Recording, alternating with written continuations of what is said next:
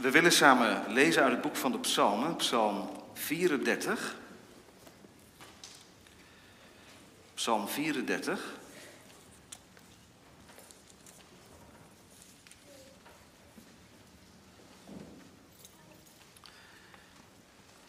Een psalm van David. Psalm 34, een psalm van David toen hij zijn gezicht had vertrokken bij Abimelech, die hem verdreef, zodat hij er vandoor ging.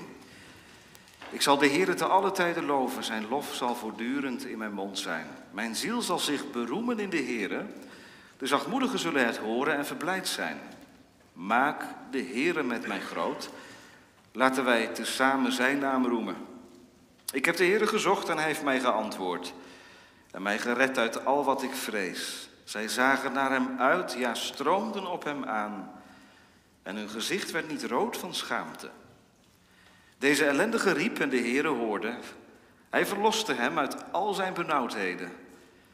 De engel van de Heere legert zich rondom hen die hem vrezen en redt hen. Proef en zie dat de Heere goed is. Welzalig de man die tot hem de toevlucht neemt. Vrees de Heere, u zijn heiligen. Want wie hem vrezen hebben geen gebrek. Jonge leeuwen lijden armoede en honger. Maar wie de Heere zoeken hebben geen gebrek aan enig goed. Kom, kinderen, luister naar mij. Ik zal jullie de vrezen des Heren leren. Wie is de man die vreugde vindt in het leven, die dagen lief heeft om het goede te zien? Behoed je tong voor het kwaad en je lippen voor het spreken van bedrog. Keer je af van het kwaad en doe het goede. Zoek de vrede en jaag die na. De ogen van de Heere rusten op de rechtvaardigen. Zijn oren zijn gericht op hun hulpgeroep. Het aangezicht van de Heere is tegen hen die kwaad doen. Hij zal hun nagedachtenis van de aarde uitroeien.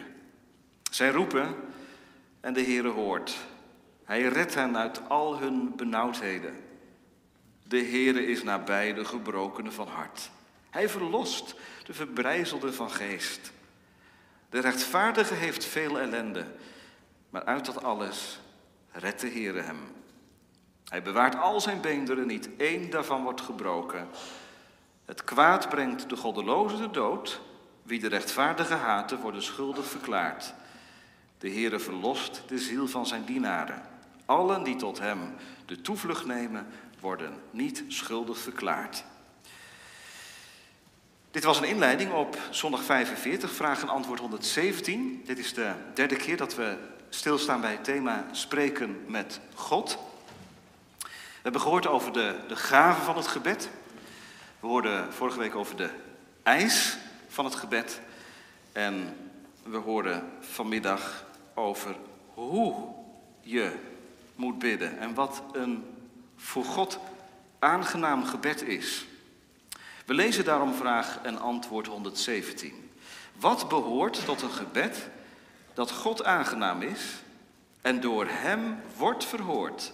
Antwoord ten eerste dat wij alleen de enige ware God die zich in zijn woord aan ons geopenbaard heeft, van harte aanroepen om alles wat Hij ons geboden heeft, Hem te vragen. Ten tweede dat wij onze nood en ellende goed en grondig kennen, opdat wij ons voor het aangezicht van Zijn majesteit verootmoedigen. Ten derde, dat wij deze vaste grond hebben, dat God ons gebed, hoewel wij het niet waardig zijn, omwille van de Heere Christus, zeker wil verhoren, zoals Hij ons in Zijn woord beloofd heeft. O mijn ziel, wat buigt ge u neder. Hoop op hem slaat oog naar boven. Dat is Psalm 42, vers 7. We zingen dat straks na de woordverkondiging. Psalm 42, vers 7. Het thema voor de derde keer: spreken met God. Allereerst, doe het van harte. Ten eerste dat wij alleen de enige ware God die zich in zijn woord aan ons geopenbaard heeft, van harte aanroepen om alles wat hij ons geboden heeft, hem te vragen. Doe het van harte. In de tweede plaats, doe het ootmoedig. Ten tweede dat wij onze nood en ellende goed en grondig kennen, opdat wij ons voor het aangezicht van zijn majesteit verootmoedigen. En tot slot, doe het vrijmoedig. Ten derde, dat wij deze vaste grond hebben, dat God ons gebed, hoewel wij het niet waardig zijn, omwille van de Heere Christus, zeker wil verhoren, zoals Hij ons in zijn woord beloofd heeft. Doe het van harte, doe het ootmoedig, doe het vrijmoedig. Ten eerste doe het van harte. Gemeente, even een anonieme casus. Iemand die tegen mij zei, toen we het hadden over gebed. Ja, maar dominee, er staat in de Bijbel dat je ook kwalijk kunt bidden. Je kunt verkeerd bidden, je kunt naar jezelf toe bidden. En ik ben zo bang dat ik dat altijd doe. Heeft het dan wel zin om te bidden? Als je alleen maar bezig bent met de vraag: bid ik wel goed? Bid ik wel oprecht? Ben ik wel oprecht? Ja, en eerlijk is eerlijk. In de Bijbel lezen we het ook, hè, dat, dat mensen kwalijk verkeerd kunnen bidden. Die term kwalijk bidden komt trouwens uit de brief van Jacobus. Maar er zijn voorbeelden genoeg te bedenken van mensen die kwalijk bidden. Ik lees in Jezaja 1 dat God zegt, wanneer, wanneer jullie je woorden uitspreken, verberg ik mijn ogen voor jou. moet je even op je in laten werken. Wanneer jij je woorden uitspreekt, verberg ik mijn ogen voor je. Ik luister niet naar je. Want er kleeft bloed aan je handen. Dat zegt Jezaja tegen Israël. Amos, ook een profeet, heeft gezegd dat dat bidden van jullie, hè, dat, is, dat is als, als getier in de oren van God. Stop er maar mee. Heeft geen enkele zin om zo te bidden. En wat dacht u van de woorden van de Heer Jezus zelf in Matthäus 15, vers 8? Dat je tot God kunt naderen met je mond, dat je Hem kunt eren met je lippen, maar dat je hart zich ver van Hem bevindt. Dat je dus gewoon aan het huichelen bent, aan het toneelspelen bent, terwijl je aan het bidden bent. Nou, dat is een vraag die een christen heel erg bezig kan houden. En misschien zijn er vanmiddag wel onder ons die zeggen: ja, daar heb ik wel eens last van of heel vaak last van. Kwalijk bidden, doe ik dat niet? Is mijn bidden wel echt bidden? Praat ik niet oppervlakkig?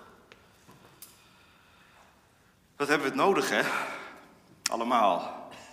Dat gebed wat de discipelen van Jezus hebben gebeden. Heere, leer ons bidden.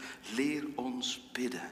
Nou, als we zo vanmiddag in de kerk zitten, dan zullen we ook echt, echt onderwijs krijgen. Want aan de hand van de catechismus lezen wij drie dingen over een gebed wat echt is, wat oprecht is, wat, zo zegt de vraag het, wat aangenaam is voor God. Heerlijk, dat is aangenaam. Wat als wierook naar boven kringelt en als het ware in de neusgaten van God, dan zeg ik het maar even heel menselijk, heerlijk is. Een gebed wat door Hem wordt verhoord. Drie dingen dus. We letten allereerst op dat eerste zinnetje. En dat lijkt een open deur. We lezen dat God, of we lezen dat wij alleen de enige ware God die zich in zijn woord aan ons geopenbaard heeft, van harte mogen aanroepen om alles wat Hij ons geboden heeft Hem te vragen. Natuurlijk, zeggen wij, bidden wij tot God. Dat is nogal logisch. Is het niet een beetje overbodig om het zo te zeggen? Alleen tot God bidden. Ja, tot wie anders dan? Ja, maar weet je wat je daarmee bedoelt, kinderen?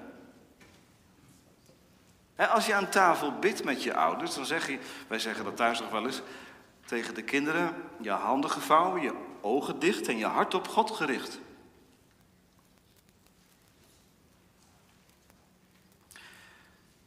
Ja, maar wat is het dan?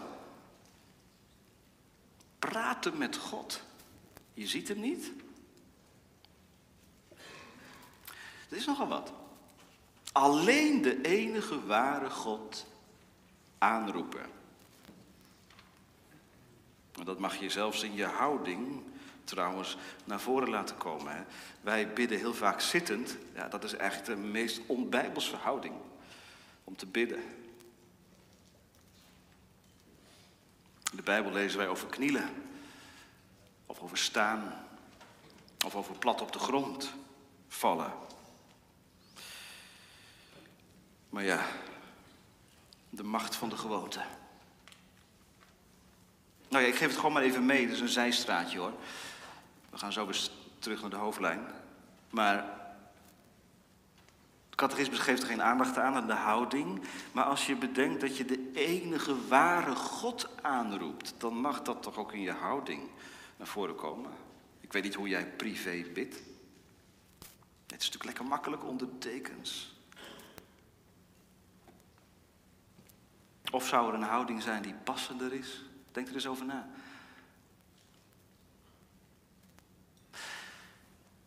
Maar nu de vraag, wat is dan een aangenaam gebed? Wat is dan een, een oprecht en een goed gebed? Alleen de enige ware God. Catechismus bedoelt in zijn tijd, in haar tijd, um, niet door middel van tussenpersonen. Maria, heiligen. Ja, dominee. We leven 400 jaar later. Wij bidden niet tot Maria en niet tot de heiligen. Wij bidden tot God. Ja, is dat zo? Bidden we tot de enige ware God zoals hij zich in zijn woord geopenbaard heeft? Of bid ik zoals Esther naar Ahasveros ging ik heb het idee dat die Ahasveros, ja, die kan alles met mij doen wat hij maar wil. Het is een despoot, grillig tot en met. Kom ik om, dan kom ik om. Nou ja, ik zie het wel. Ik bid, maar goed, je moet me afwachten. Is dat bidden tot de enige ware God? Wij moeten weten wie God is. Voor wij kunnen bidden. Wat komen we dan te weten als we deze regel van de catechismus volgen? Dat we alleen de enige ware God, heel belangrijk zinnetje, die zich in zijn woord aan ons geopenbaard heeft, van harte aanroepen. Mag ik een paar dingen noemen? Hoe openbaart die enige ware God zich in zijn woord? Nou, allereerst, luister goed, hij is de hoorder der gebeden. God is een God met oren, met open oren. Dat is wel het heerlijkste wat je altijd mag bedenken als je bidt. Hij is altijd alert. Hij is nooit in slaap, zoals de Baal. Maar God leeft om naar jou en naar mij te luisteren. Dat is het eerste. En hoe vaak gaat het daar al niet mis hè, in mijn gebedsleven? Dat ik me dit niet realiseer dat als ik bid, dat ik bid tot een God met open oren. De hoorde van de gebeden. Nou, zet het maar in je schriftje. Dit is regel nummer één. Een aangenaam gebed voor God is een gebed waarin je van harte ervan overtuigd bent dat God hoort en antwoordt. Er komt nog iets bij. Als ik tot God bid, dan mag ik bedenken dat ik dat doe als schepsel van Hem. Hij heeft mij gemaakt. Ik ben niet een toevallige klomp cellen.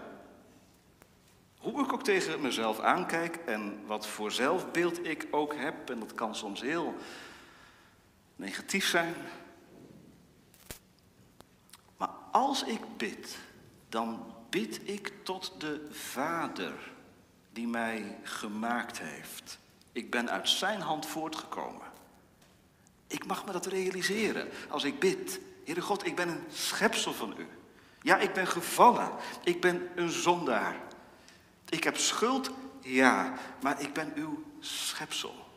Ik kom tot u, want u hebt mij gemaakt. Dat is de enige ware God. Derde, God is ook de heilige en de soevereine God. Niet voor niets zegt de Bijbel, Hij woont in de hemel en wij zijn op de aarde. Zijn wegen zijn hoger dan die van mij en zijn gedachten zijn anders dan die van mij. Ze zijn ondoorgrondelijk. Dat realiseer ik me als ik bid. Hij is de enige ware God die zich in zijn woord openbaart als de God die niet te kneden is naar mijn inzichten en plannetjes. Die recht is in al zijn weg en werk. Maar, en dat is het vierde, dat hoeft mij niet met angst te vervullen. God is soeverein. Maar ik hoef daar niet bang van te worden. Want hij is genadig en barmhartig.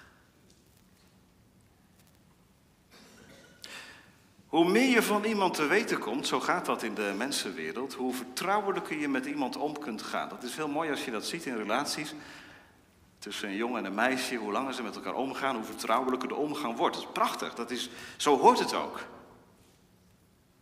Dat komt omdat je elkaar leert kennen. En dat is ook zo in de omgang met de Heer. Het lezen uit de Bijbel en het bidden heeft met elkaar verband. De omgang met het woord van God leert mij de enige ware God te kennen. En zo kan ik bidden. Hem van harte aanroepen. Het is daarom ook niet vreemd als ik in mijn gebed letterlijk teksten uit de Bijbel citeer. Want wij denken soms dat wij heel creatief moeten zijn in het, in het gebed. En dat is zeker een verzoeking als je publiek bidt.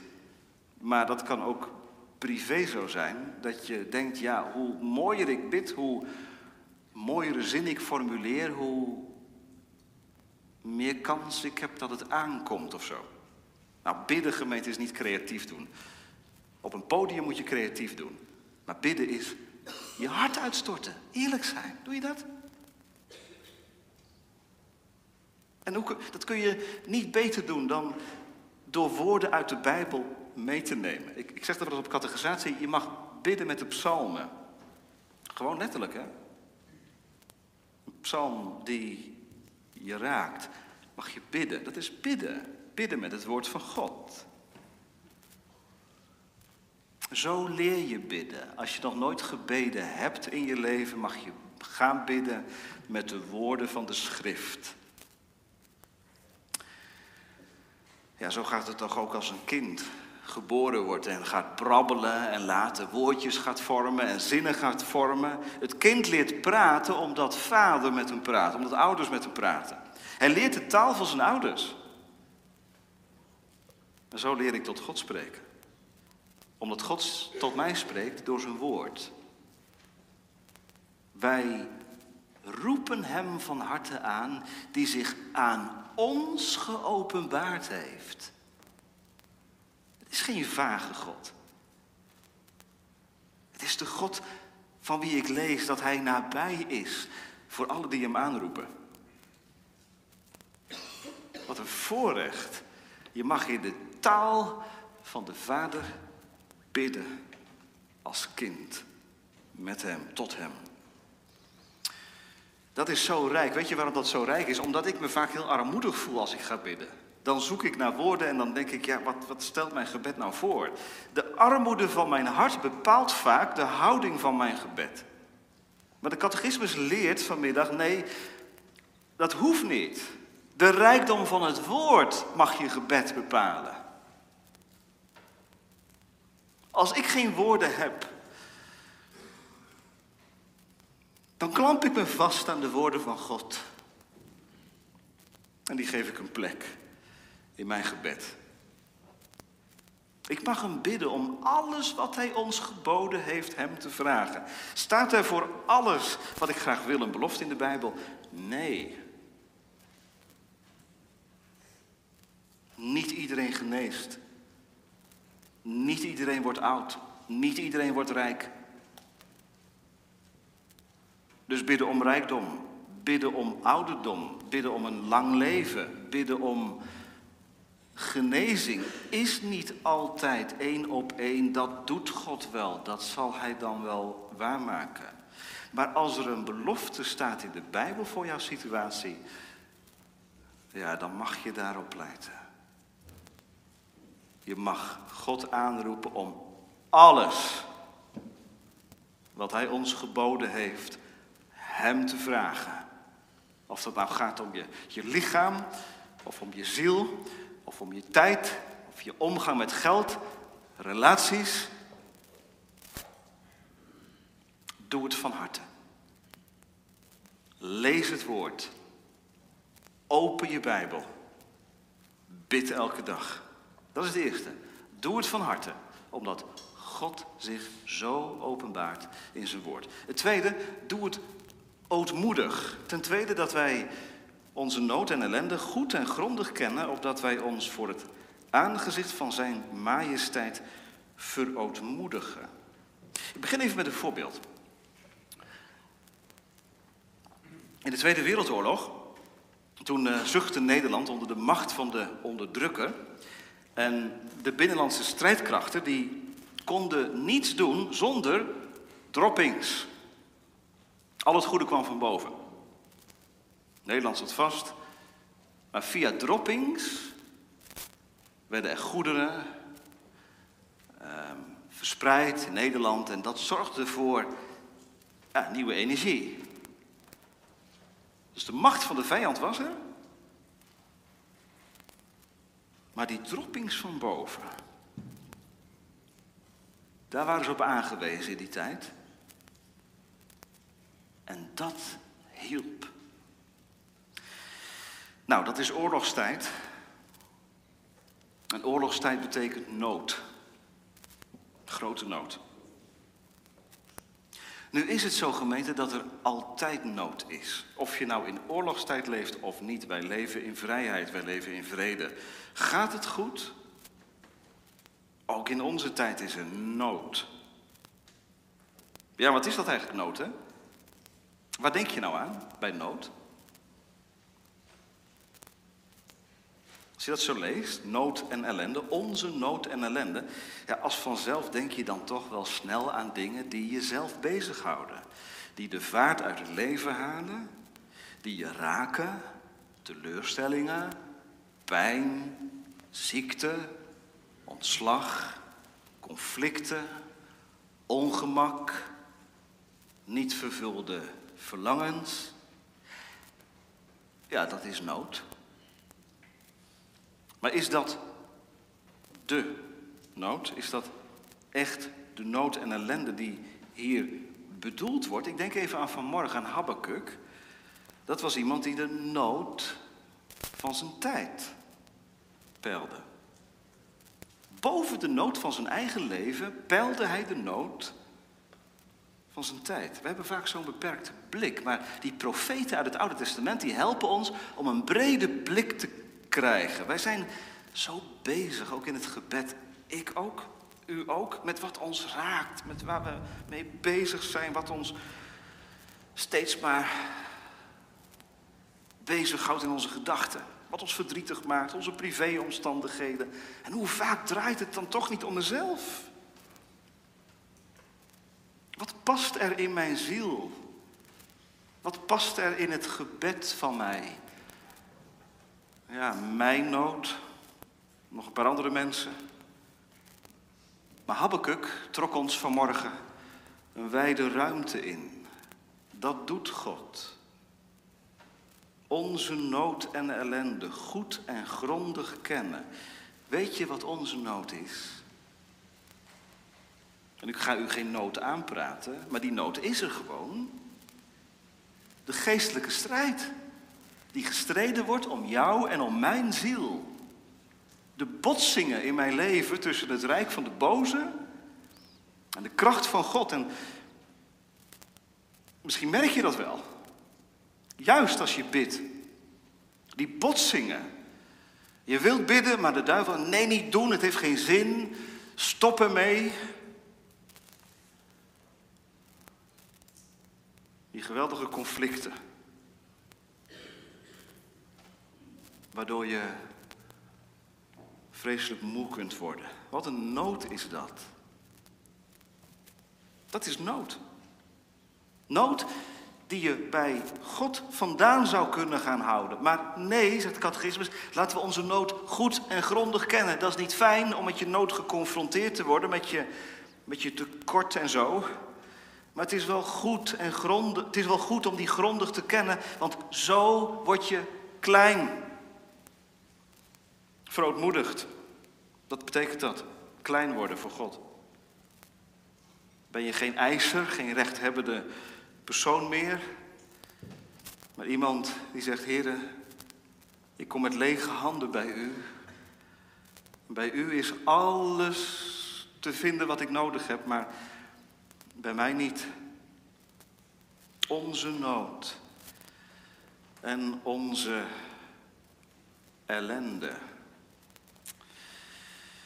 Ja, dat ligt er heel dicht tegenaan. Dat is geen prettig woord. Wel een Bijbels woord. Wat is ellende?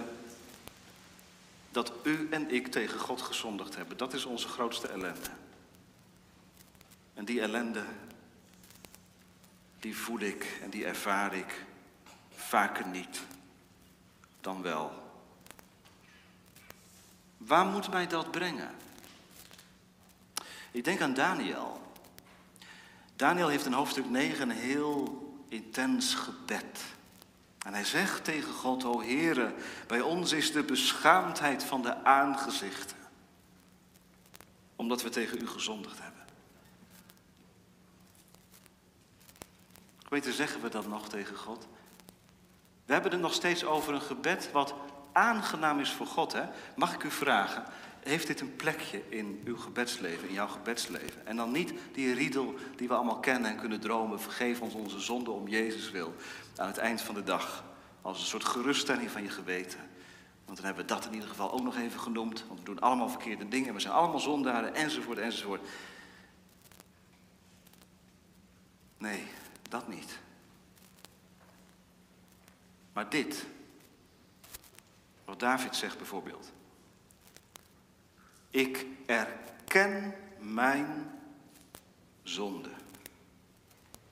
Weet je, jonge vrienden, dat dat ontzettend bevrijdend is als je dat een keer, of een keer, maar misschien wel voor het eerst in je leven gaat zeggen. Tegen God. Ik erken mijn zonde.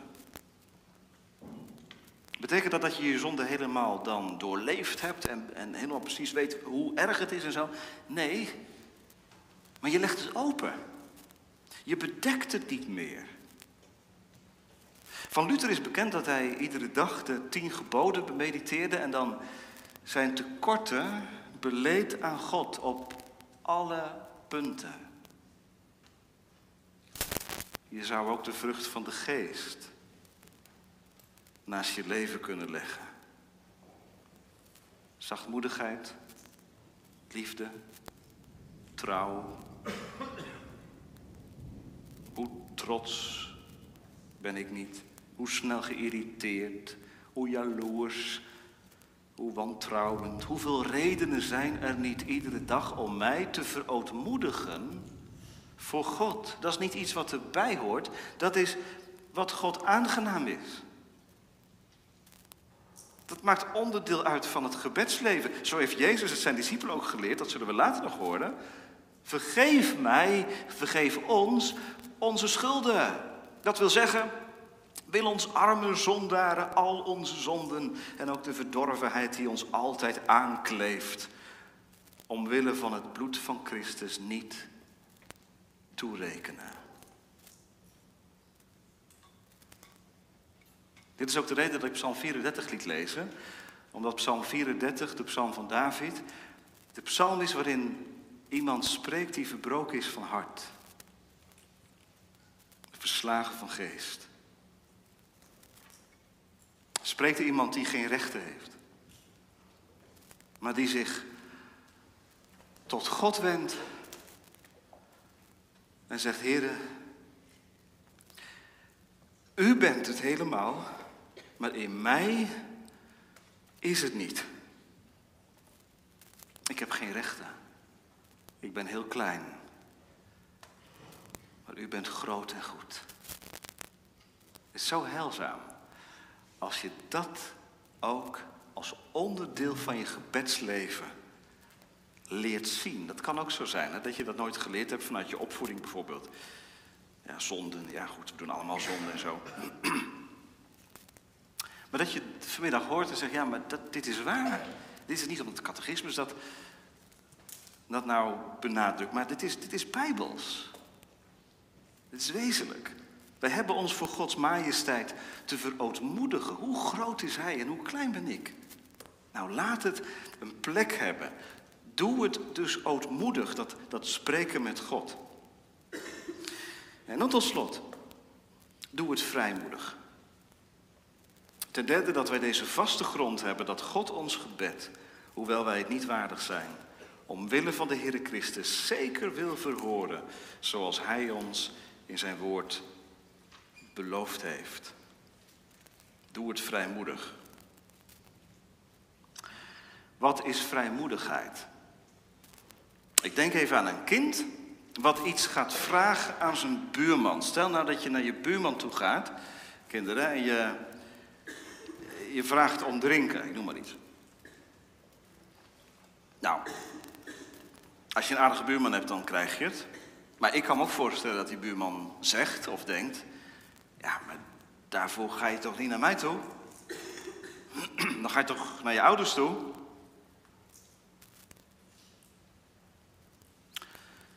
Het is vrij postig om iemand anders aan te bellen en te zeggen: Hebt u wat drinken voor mij?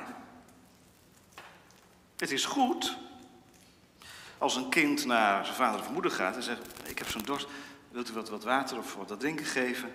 Ja, dat, is, dat doet hij vrijmoedig. Waarom? Ja, je bent een kind van je ouders. Als je dit niet meer kunt vragen, dan is er echt iets mis.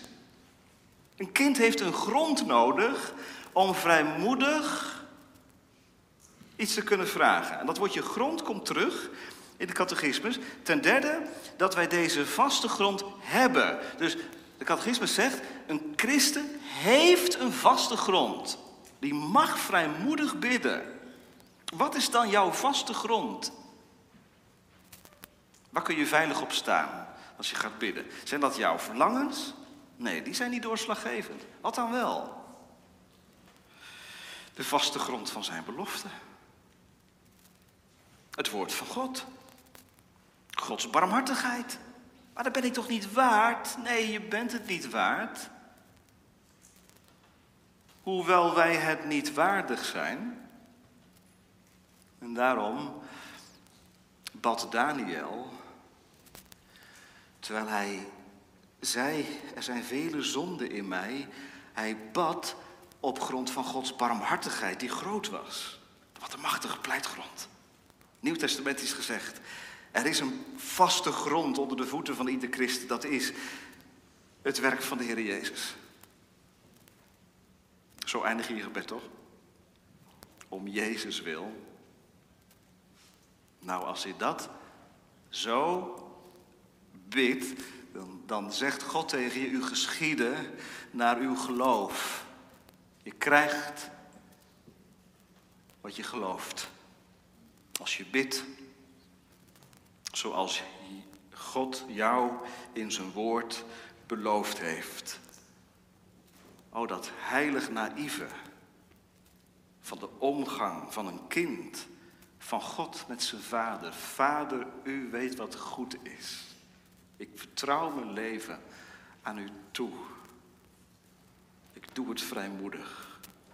Dat is het voorrecht wat een kind van God heeft. Maar als je je vanmiddag nou geen kind van God kunt noemen, dan zeg je ja, dat is wel prachtig, maar ik durf niet met vrijmoedigheid zo te bidden. Want ik hoor er niet bij. Weet je, dan is er vanmiddag maar één weg voor je. Met vrijmoedigheid toegaan tot de troon van de genade. Ja, maar waar haal ik die vrijmoedigheid vandaan dan? Die haal je nergens vandaan. Die krijg je, die ontvang je. Die ontvang je vanmiddag in de kerk. Je mag met vrijmoedigheid toegaan tot de troon van Gods genade. Omdat de Jezus Christus in de nacht van zijn leven gebeden heeft en niet verhoord is. De bidden bij uitstek, die tastte naar de hand van zijn vader. En zijn vader zei, nee, nee, opdat ik gehoor zal vinden. Nou, dat is toch iets om met verwachting te gaan bidden, met vrijmoedigheid. Ja, maar mijn leven, mijn gebedsleven is flauw en lauw. Ontleen nu eens de vrijmoedigheid aan wat God je toezegt. Je bent het niet waard. Maar omwille van de Heere Christus wil Hij je zeker verhoren. Waarom merk ik er dan iets van? God kan, je, kan de verhoring van je gebed uitstellen. Hij kan je beproeven. Hij kan het uithoudingsvermogen van het geloof ontwikkelen. Door te pauzeren om straks de zegen te ontvangen die je nodig hebt. Echt, God vervult niet al mijn wensen, maar wel al zijn beloften. En dat is de grens van het gebed, zijn beloften. En die grens is niet eng of nauw, die is zo ruim. Als God ruim is. Bidden wordt dan geen wensen meer, maar hopen. Ik hoop op u, levende God. Hopen. Dat het vroeger omschreven als het zich uitstrekken van de ziel naar grote dingen. Prachtig geformuleerd. Het, het je uitstrekken naar grote dingen. Verwacht grote dingen van de Heer. In het onrustige leven van je. In de nood en ellende die je kent en voor Gods aangezicht beleidt. Want de God van Habakkuk leeft. De God die, terwijl er geen rund in de stal is en geen, geen vijgenboom bloeit, het laat zeggen en zingen. Ik zal toch in de Here van vreugde opspringen. Bidden, spreken met God. Doe het van harte. Doe het oudmoedig. Doe het vrijmoedig. Open je mond. Eis vrijmoedig. En ik geef wat je ontbreekt. Nou, lieve jonge mensen, zou je zo'n God vandaag niet aanroepen. Amen.